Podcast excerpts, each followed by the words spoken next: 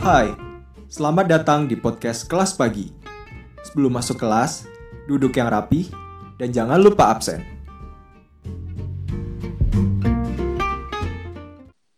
Halo, kembali lagi bersama saya Lucy.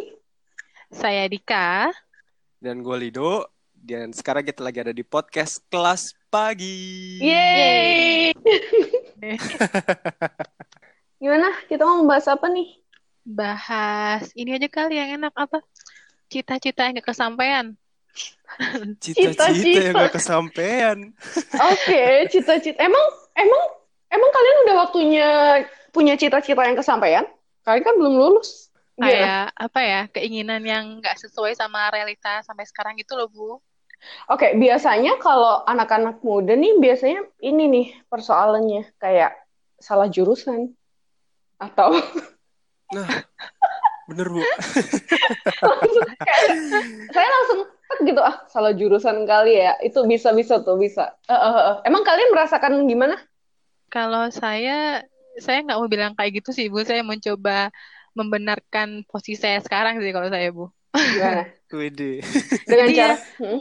Dengan cara, hmm, ya nggak mau bilang kayak gitu, ya kayak ya udah, gue emang di sini tempatnya kayak gitu. Oke. Lebih ke menerima ya Dika ya. Iya, betul, menerima. Oke. Kalau lo gimana, Dok? Kalau gue sebenarnya salah jurusan dibilang salah enggak, dibilang benar juga enggak. Ya 50-50 lah. Kayak menerima aja kenyataannya kalau misalnya sekarang gue kuliah di jurusan yang sekarang gitu. Karena pas awal gue pertama kali milih pun gue gue sebenarnya bimbang. Antara waktu itu gue itu getol banget. Gue pengen em, kuliah itu eh, hukum. Gue gak tahu Hmm. kenapa. Pokoknya dari SMP itu gue pengen hukum hukum hukum hukum. Sampai kelas SMA pun gue masih berpandangan kalau misalnya gue ini bakal kuliah hukum nantinya.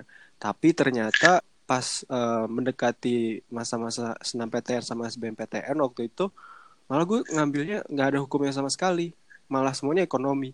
Dan gue ngerasa kayak em, sebenarnya kalau misalnya dari harapan gue yang waktu dari SMP sama SMA itu sebenarnya melenceng jauh juga ya cuman pas ketika gue milih dan gue ngejalanin ternyata seru juga ya ternyata gue ngerasa kayaknya ini yang eh, apa namanya yang bisa men-challenge gue supaya gue lebih tahu banyak informasi dan mengimplementasikannya di kehidupan yang sekarang gitu Mantap. Hmm. Berarti kayak kalau gue pun sekarang udah mulai men- mulai bisa menerima atau gimana? Atau dari awal emang udah nerima aja lah kita jalanin aja gimana? awalnya em, susah sih menerimanya bu ya. Cuman agak kaget juga sama situasinya. Terus juga ada beberapa hal yang bikin kayaknya aduh apa gue salah ya milih jurusan ini? Terus tapi pas dipikir-pikir pas dijalani ternyata enjoy enjoy aja dan bahkan ngerasa ada manfaatnya juga gitu sama yang sekarang jadi kayak Iya ngerasa sih.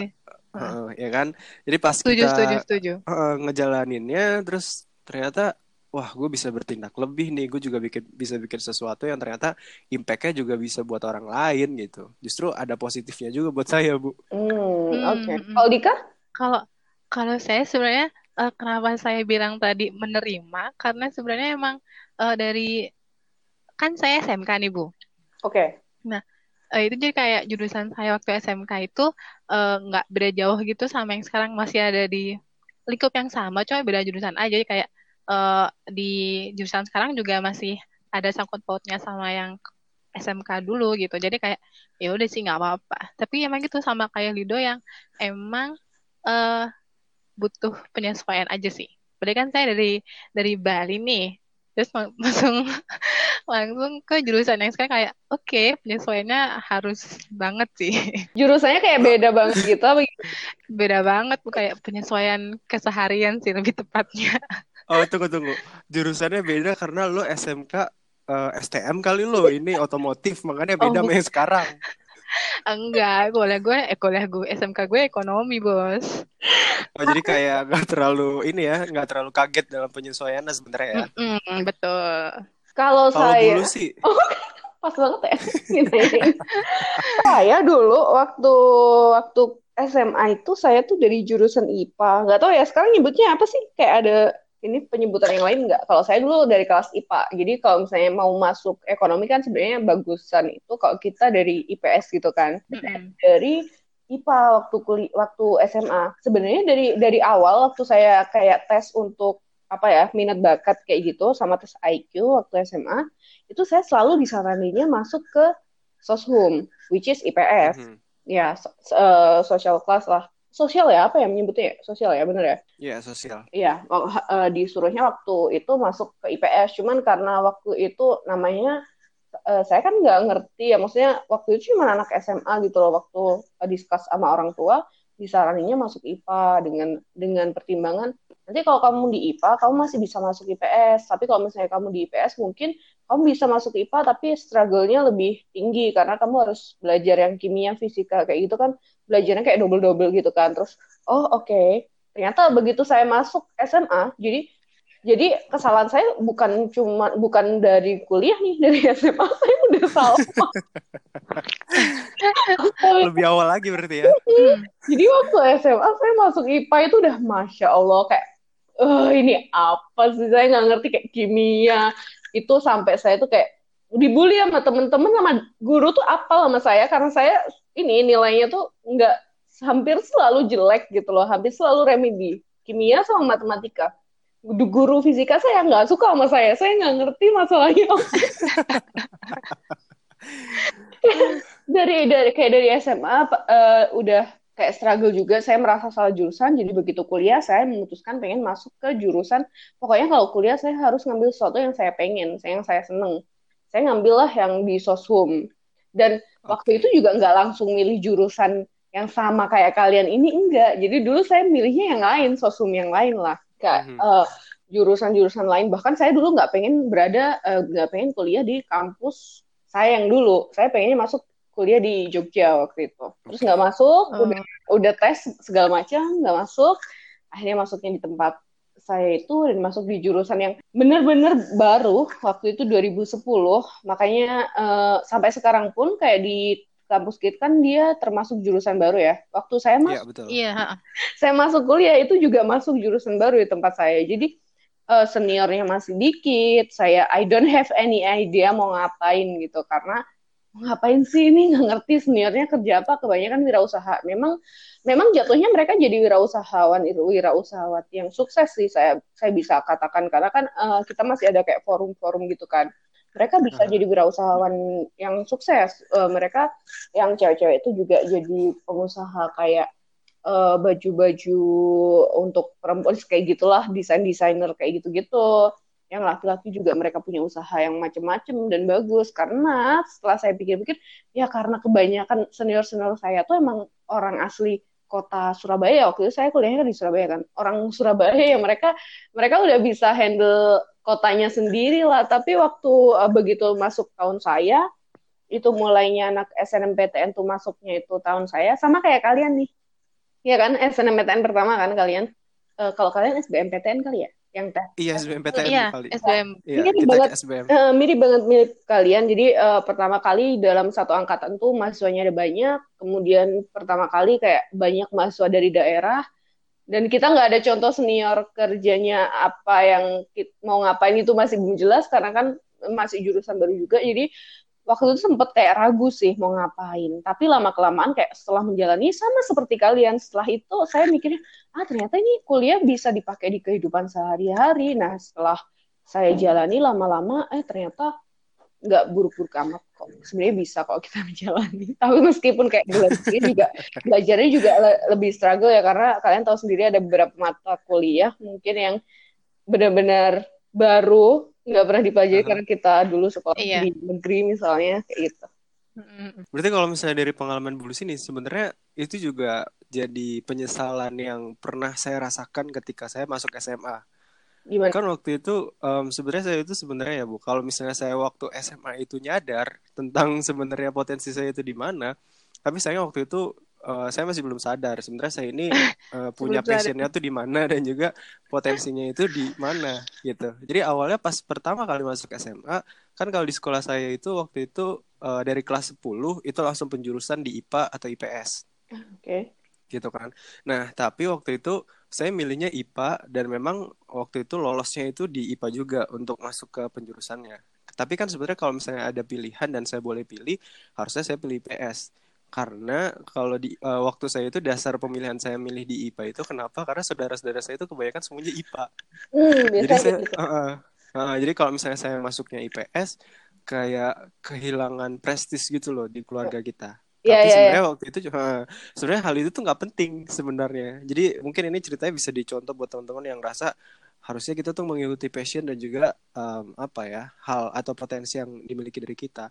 Dan saya ngerasanya kalau misalnya ditarik ulur ke belakang kenapa saya masuk jurusan ini dan memang cocok nyaman di jurusan ini karena mungkin banyak hal-hal atau ilmu yang bisa saya serap dengan gampang uh, dibandingkan saya di IPA kayak misalnya ada biologi fisika kimia kayak gitu. Kalau Iya. matematika oke lah. Uh, masih bisa tolerir. Tapi kalau untuk yang lain kayak misalnya uh, fisika kimia biologi itu saya sebenarnya agak males untuk mempelajari itu Iya gitu sama-sama. Bukan sebenarnya kayak bukan bukan nggak bisa sama sekali, tapi karena kita udah nggak nyaman di situ, begitu dapet itu ya tambah lebih nggak nyaman lagi kayak gitu nggak sih? Saya Nah, dulu kayak Iya, betul, setuju. betul banget, Bu. Nah, kan maka- Heeh. makanya makanya tuh pentingnya pentingnya kita melakukan sesuatu tuh yang cuman yang kita senengnya aja harusnya. Jadi Nah. biar nggak buang-buang waktu, ya nggak sih? Itu dia. Iya, setuju banget saya, Bu. Nah, lanjutin cerita yang tadi nih, Bu ya. Kan seharusnya pas saya pikir-pikir sekarang ya, mulai dari awal pertama kali masuk kuliah, saya masuknya jurusan sosum, ya kan, di ekonomi ini. Terus pas saya tarik ke belakang, ternyata sebenarnya saya itu punya passion itu di jurusan sosum. Karena dari waktu SD ya, eh, bapak saya itu ngasih buku yang namanya RPUL dan R- RPAL. Eh, tahu tahu, tahu. Lucy sama Dika? Tahu Ya kan? tahu Iya, tahu. iya, tahu. Kalau RPUL itu pengetahuan umum dan RPAL itu pengetahuan alam. Tapi saya lebih sering Iya. bacanya yang RPUL karena di situ menurut saya lebih seru. Ada tahu mata uang tentang pokoknya informasi tentang dunia lah, olahraga segala macam di situ lengkap. Sedangkan yang RPAL itu nggak pernah saya buka sama sekali. Yang bikin apa ya? Yang bikin saya menyesal lagi itu dari SD emang sebenarnya saya ini lebih unggul di eh, mata pelajaran IPS. Jadi kayak hampir em, apa ya sehari-hari itu kayak ulangan harian, kuis dan segala macam itu nilainya di atas 90 kalau untuk mata pelajaran IPS. Bahkan Hmm. ujian sekolah SD saya itu mata pelajaran IPS itu saya cuma salah satu soal. Sedangkan untuk IPA itu nilainya nggak nggak terlalu bagus. Jadi saya pas di situ nyesel banget. Dan SMP pun sama kayak gitu. Apa namanya eh, IPS lebih gede pasti nilai mata pelajarannya. Bahkan nggak pernah di bawah 90 kalau misalnya IPS. Tapi kalau yang IPA kayak matematika, fisika ya itu bisa kayak 60 lah, 75 lah dan itu kayak kurang memuaskan. Tuh, kan. Tapi salahnya saya masuk ke IPA di SMA-nya, makanya itu jadi penyesalan banget sih. Itu saya juga sih. Kayaknya di sini yang yang cocok cuman si Dika ya. Dika pas iya benar. banget sih. Pas kayak tinggal mempelajari aja. Atau kamu juga merasa kesulitan Dika? Atau kesulitannya di Kalau- part yang lain, di bagian yang lain? Di bagian lain sih tentunya. Hmm. Kayak saya tuh eh, apa ya? Lebih saya lebih orangnya kehitung-hitungan sih, Bu, yang lebih lebih apa ya? Hmm, Lebih menguasai lah bisa dibilang kayak gitu. eh dari kalau misalkan dari SMK itu sebenarnya eh, pernah sih kalau hitung-hitungan itu pernah sih kayak eh, dapat nilai jelek tuh pernah banget saya sampai eh, nanya sama guru saya, Bu, Ibu buka eh, les privat nggak? Saya mau dong les privat soalnya saya jelek ulangan kemarin dapetnya berapa ya? Empat atau tiga gitu Bu, kalau nggak salah. Terus, terus saya terus saya eh, les gitu kan ada ternyata guru saya itu buka les privat gitu. Oh ya Bu, saya mau ikut. Terus saya habis eh, les itu dari kelas 10 atau kelas 11 gitu sampai kelas 12 alhamdulillah saya bagus terus sih. Saya nggak nggak pernah remedi. Terus akhirnya eh eh, akhirnya milih juga itu saya kan saya SM, eh, SMK akuntansi. Terus mau lanjut lagi ke kuliah tuh jurusan akuntansi juga. Tapi saya nggak dapet SNM saya juga nggak lolos kayak sedih banget akhirnya eh, dapat yang sekarang alhamdulillah karena akuntansinya masih kepake kan. Tapi saya masih senang banget kalau misalkan eh, ngeliat orang itu ada gelar SAK Bu. Saya nggak tahu senang banget sampai sekarang Bu. Tapi saya nggak bisa kayaknya. Iya, iya, iya, ngerti-ngerti. Jadi eh, kalau Dika tuh mungkin eh, bagian menyedihkannya karena kamu masih menginginkan sesuatu yang kamu nggak bisa dapat. Mm-mm. Kayak gitu nggak sih? Iya tapi Oke. tapi eh, alhamdulillahnya di jurusan sekarang masih kepake itu masih alhamdulillah banget sih kayak Hmm. ya masih ada bagian saya sedikit lah paling enggak gitu. Oke, oke, oke, oke. Jadi I ada secerca harapan di jurusan ini karena akuntansinya lumayan banyak gitu ya mata kuliahnya. Iya bener banget. Oke.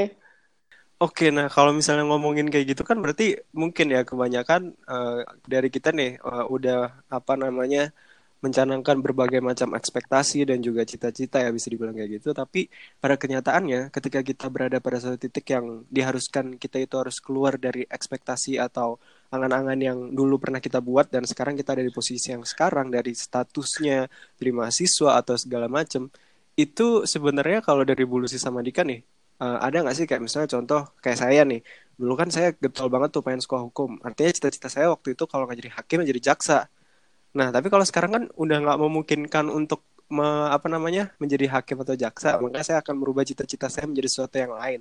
Nah kalau Bulusi sama Dika pernah nggak sih? Saya pas saya mengalami itu banget ya karena tadi uh, udah bilang kalau saya nggak masuk di jurusan yang apa ya yang saya nggak pernah kayak pengen benar-benar masuk di satu jurusan enggak tapi saya pengennya masuk di sosum emang. Jadi uh, masuk di jurusan ini meskipun saya mungkin ada sedikit nggak suka karena ada beberapa mata kuliah yang saya harus pelajari benar-benar dari awal tapi saya masih oke okay, oke okay lah ekonomik sekarang saya suka itu. Kemudian uh, begitu saya apa ya dari waktu mulai SMA jadi masuk kenapa sih saya pengen ngambil jurusan uh, yang kaitannya ada ekonominya itu? Karena dari SMA tuh saya pengen jadi bankir. Jadi saya pengen kerja di bank. Pengen saya nggak ngerti kenapa kayak menurut saya kan uh, kalian tahu sendiri lah ya orang di bank itu kan cantik cantik ya. Saya iya. saya se, tahu banget saya bu. se, itu kayak ya ampun lu sih receh banget. Saya cuma pengen jadi pegawai bank karena itu waktu itu. Jadi uh, kok kok kok mereka bagus-bagus ya apa apa pakai make upnya cantik kemudian pakai bajunya rapi mereka kerja di bank kemudian banyak yang antri nunggu-nunggu mereka kan iya kan? Kayak orang iya benar-benar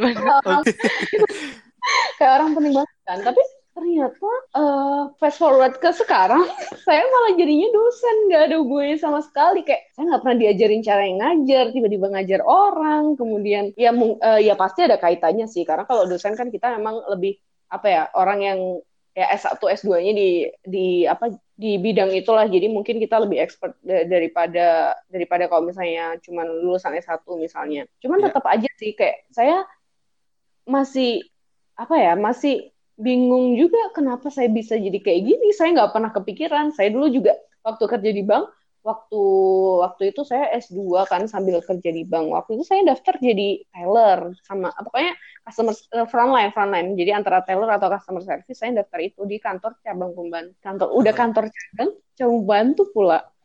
itu Karena tujuan Bulus waktu itu simple, adalah pengen berhasil jadi pegawai bank yang iya. cantik, dicari-cari orang, iya. gitu kan? Ternyata. Yang tampil gitu ya, Bu ya. tapi ternyata Tapi ternyata waktu saya daftar itu, saya kan daftar di Job Street ya. Nah, di iya. website untuk nyari kerja kayak gitulah. Uh, saya di telepon dipanggilnya ke kantor pusat. Jadi akhirnya saya malah keterima di unit support which is oh, wow.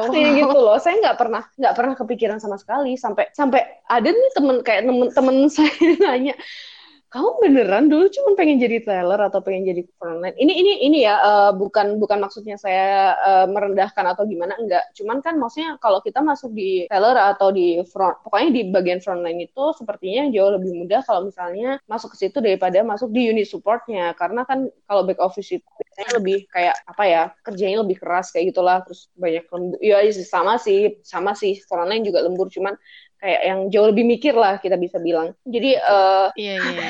Ya, teman-teman saya tuh nanya kayak gitu karena kan saya sekarang udah jadi dosen nih. Kalau misalnya saya dulu kerjanya di bank itu pengennya tuh pengen jadi back office atau uh, apa ya kayak MT manajemen trainee-nya mereka di bank itu terus habis itu saya mencolot jadi dosen itu masih masuk akal daripada saya dulu pengennya cuma jadi apa terus ternyata sekarang jadi apa. Jadi bener-bener saya sampai sekarang tuh saya nggak nyangka sama sekali sih. Jadi uh, bener-bener bener-bener ya uh, yang nggak ngerti sama sekali tiba-tiba jadi kayak gini. Jadi kadang ini apa uh, kita tuh terlalu apa ya ketika kita menginginkan sesuatu tuh kayak ketakutan-ketakutan yang kayak dulu waktu saya satu kan sama lah ya sama kayak kalian. Ada takut uh, seniornya pada kerja di mana?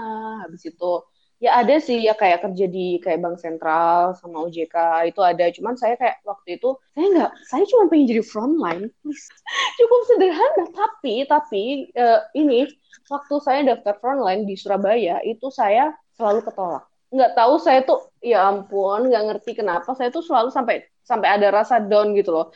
Saya saya ditolak di semua cabang yang saya daftarin saya tuh sampai kayak naruh lamaran di satpam satpam gitu loh saking desperate-nya. Hmm. aku pengen jadi bankir pokoknya gimana caranya aku naruh lamaran.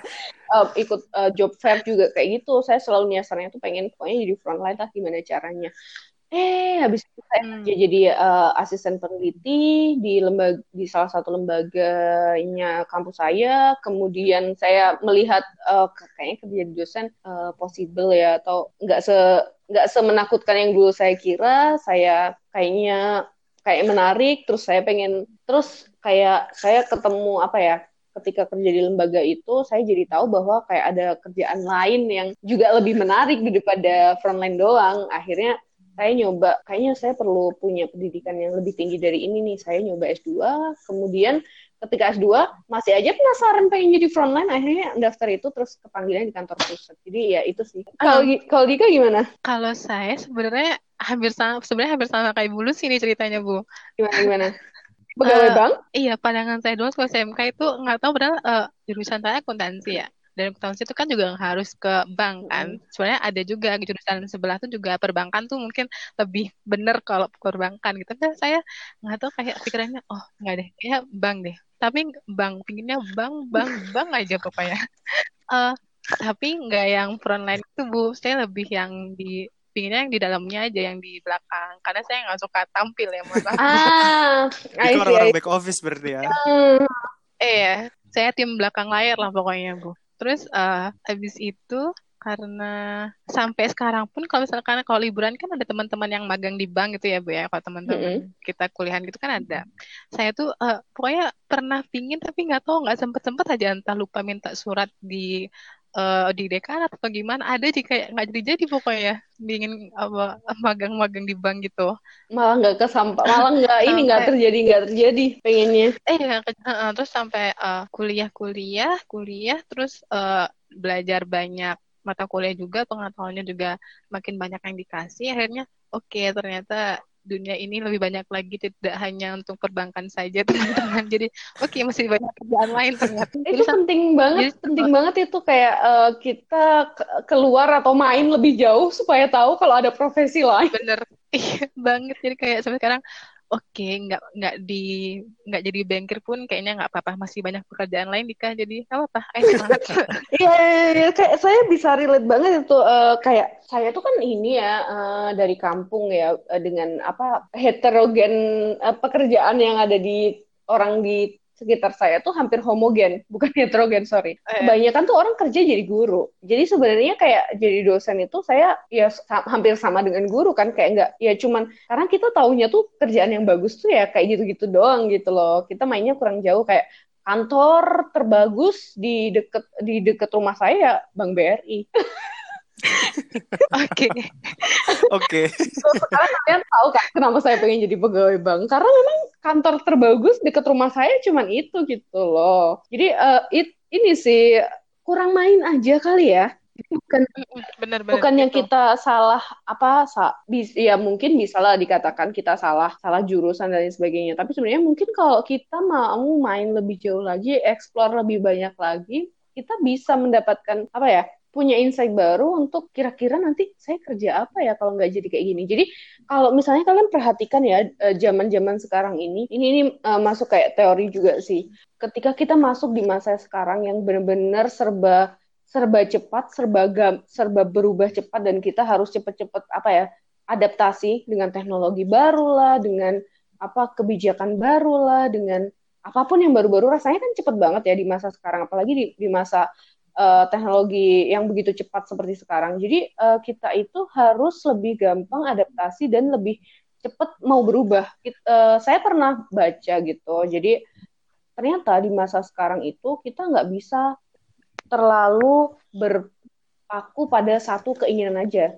Karena bisa aja kita pengen satu keinginan ternyata nggak terpenuhi, akhirnya kita mati. Kayak kalau kamu punya plan plan jangan, Oke. jangan jangan cuma plan A aja tapi kamu kalau bisa bikin A plan A sampai plan Z. Jadi begitu kamu plan A gagal kamu masih punya B sampai Z gitu.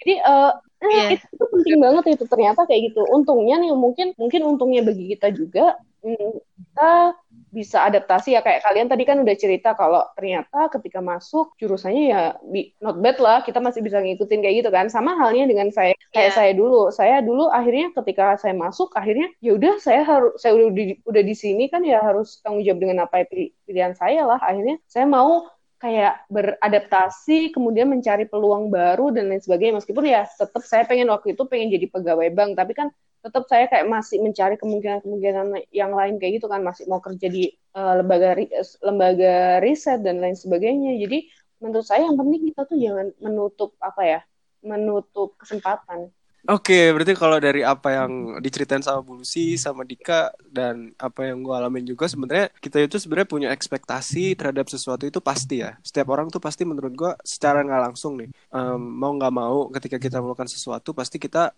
masang target di titik tertentu ya. Tapi kita juga kadang eh, menyalahartikan target itu sebagai sebuah ekspektasi yang harus kita raih dan mau nggak mau kita harus berada di titik ekspektasi itu supaya kita nggak kecewa. Tapi justru biasanya kalau kita uh, mempunyai ekspektasi yang berlebih, justru kadang kalau misalnya nggak sesuai dengan apa yang telah kita ekspektasikan, jatuhnya jadi kayak kita lebih down, terus juga lebih um, susah untuk bangkit dan melakukan melakukan hal lain yang apa ya intinya justru kadang lebih baik dibandingkan dari apa yang kita pikirkan. Kayak contohnya yang bulusi tadi ya bu ya. iya iya iya. Bu Lucy yang uh, apa namanya yang um, ngelamar kerja. Ekspektasinya sederhana banget. Pengen tampil cantik rapi di depan orang dicari-cari orang ya kan sebagai frontliner bang tapi ternyata ada sesuatu yang lebih yang Bu Lucy dapatkan dengan usahanya pasti juga. Dan Bu Lucy tanpa berekspektasi yang lebih ternyata dapat yang lebih gitu. Kadang juga kita perlu melakukan kayak gitu. Cuman yang namanya ekspektasi kan siapa yang tahu ya hasilnya ya kita juga nggak tahu. Kadang kalau orang yang berusaha banget tapi ternyata masih belum dapet dapet ya pasti ada waktunya. Tapi juga itu jadi salah satu problematika. Sebenarnya kita ini perlu nggak sih usaha terlalu keras? Atau ya santai-santai aja nanti juga kita dapat hasil yang maksimal gitu kan. Menurut saya sih santai-santai aja mungkin kalian bisa dapat hasil yang maksimal kayak saya jadi jangan terlalu berekspektasi ya bu ya Nggak, nggak. Eh, yang mau saya garis bawahi adalah kadang eh, ini loh, eh, mungkin kalian tahu sendiri atau dari pengalaman kalian sendiri, mungkin kalian meli- pernah mengetahui ada orang yang benar-benar try hard untuk mendapatkan sesuatu sampai dia menghalalkan segala cara, pokoknya gimana caranya saya dapat dapat sesuatu itu misalnya. Akhirnya dia jadi orang yang menyebalkan. Banyak kan orang yang kayak gitu, kayak terlalu ambisius gitu loh. Aha.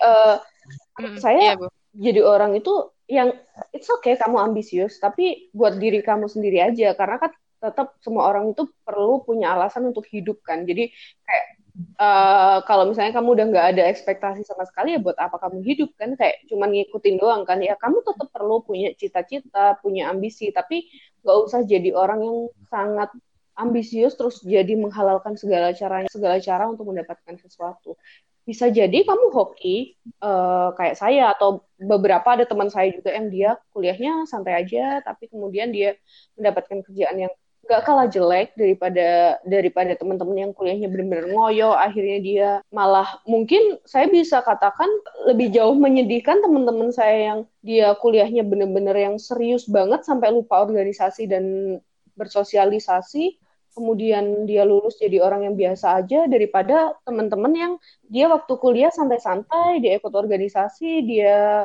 bersosialisasi dengan dengan banyak orang eh, dan melakukan apa ya kegiatan yang memiliki impact di bukan hanya akademis aja. Akhirnya dia ketika kerja dia dapat bagus, kit- saya malah jauh lebih kagum sama dia daripada daripada yang eh, satunya tadi yang dia udah kerja keras ternyata oh kerjanya cuma kayak gitu doang gitu. Jadi eh, menurut saya sih yang yang paling penting juga gimana caranya waktu kamu masih jadi mahasiswa juga jadi orang yang berguna lah. Menurut saya itu juga penting. Nggak harus kamu jadi seseorang yang keren dengan kerjaan yang keren dan lain sebagainya, tapi kamu nggak berguna buat orang lain. Karena ini juga saya mau nambahin juga eh, beberapa waktu yang lalu saya sempat baca ada artikel. Jadi dia itu orang kayak lulusan kampus di luar negeri dengan kerjaan yang bagus juga. Itu pun bahkan kayak dia lulusan dari Inggris, dia pernah kerja untuk PBB dan lain sebagainya. Dia bilang eh, kayak nyaraninnya untuk anak-anak muda tuh gini, sebenarnya kalian itu nggak harus kok jadi kayak saya mungkin harus kuliah di Inggris dengan biaya sendiri, kemudian kerja di PBB untuk bisa berguna buat orang lain. Karena kamu berasal dari mana atau dari sekolah mana pun, kamu tetap bisa jadi sesuatu, tinggal kamunya aja gimana. Iya. Jadi nggak ada salahnya juga ya. Kita ini mau kuliah di mana, mau jurusannya apa, atau terlepas dari status kita itu sebagai apa. Yang penting adalah ya kalau kata pepatah mah, yang namanya berlian juga akan tetap jadi berlian walaupun dalam tumpukan jerami ya. Eh? Mantap, Lito. Nggak tahu sih kenapa enggak, tapi mantap. Benar-benar.